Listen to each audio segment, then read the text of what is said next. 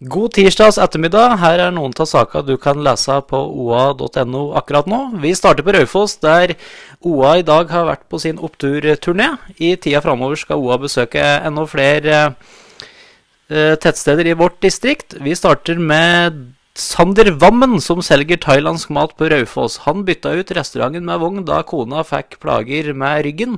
Når noe ikke lenger funker, er det bare å finne på noe annet, sier Sander til OA. Og i EFTA vil du kunne lese enda flere saker fra Raufoss på oa.no.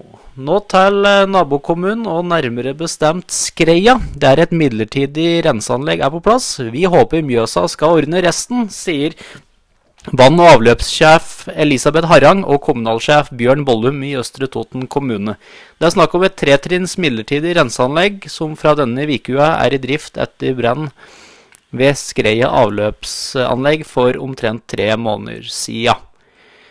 Eh, nå til eh, nå til eh, Bama. Bama trekker tilbake flere produkter etter salmonellautbrudd, melder NTB. Og det er da snakk om flere produkter med tørka frukt som har hatt utbrudd av salmonella. Så til eh, sporten. Eline følger Mari til Flint. Da er det snakk om Eline Fagerheim, som følger tidligere lagvenninne i Gjøvik HK.